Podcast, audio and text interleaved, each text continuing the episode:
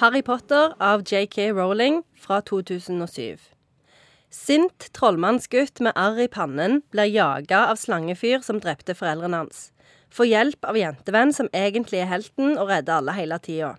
Rektor Humlesnurr dør i bok seks, og Slur er egentlig snill hele tida. Er ikke dette ei bok som veldig veldig mange har lest? Jo, det er en del som har lest den, det er jo det. Eh, men eh, det er nok en del som bare har sett filmene, tenker jeg. Eh, så da kan det være greit å ha litt sånn eh, Ja, det er jo ikke alltid du vet hva folk snakker om i fester og sånn de snakker om Harry Potter, hvis du bare har sett filmen. Så, så jeg tenker at det kan være nyttig å kunne lyge litt på seg om Harry Potter òg.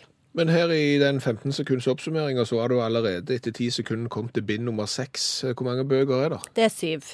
Og eh, det er jo sånn at eh, J.K. Rowling kunne egentlig hatt godt av en litt sånn strengere redaktør. Eksempel bok fem er jo 875 sider. Eh, og der kunne du kunne, kunne godt ha skrelt vekk litt, tenker jeg. Jeg leser den med den yngste datteren min nå. Og nå har vi lest eh, 300 sider. Og så skulle vi se så langt av filmen som vi har lest. Og det tok nøyaktig fem minutter. Så,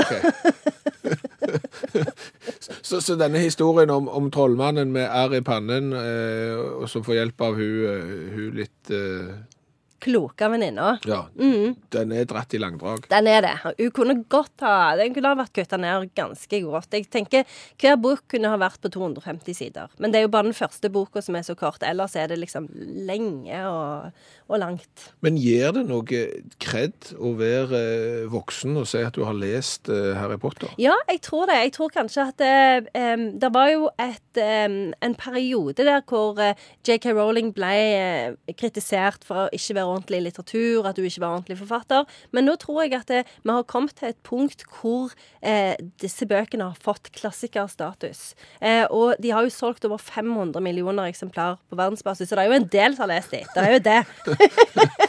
men, eh, men jeg tror at, eh, at J.K. Rowling har ha lest Harry Potter eller kjenner til de, det vil bare øke i status. Men hva er det vi skal vite om Harry Potter-bøkene som gir oss kred når vi skal ut og, og brife med kunnskapen? Jeg tenker at den kan være litt sånn at en kan ha et litt sånn skeivt blikk på det. For eksempel så syns jeg at det kan være lurt å poengtere at det egentlig er Hermine som er helten.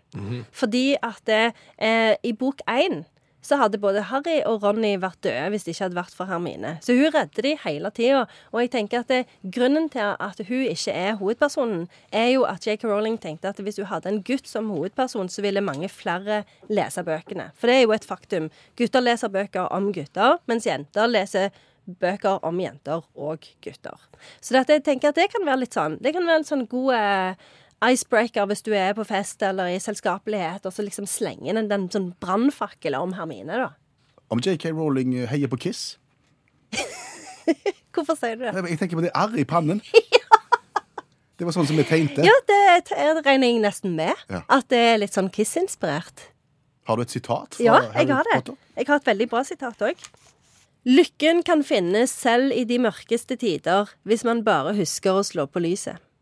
Det hørtes ut som noe som kunne stå i en sånn en bok som en eller annen finurlig danske hadde skrevet. og, så, og så bare var sånn En, en grukk. ja, sånn grukk eller tristesser eller et eller annet sånt. sant?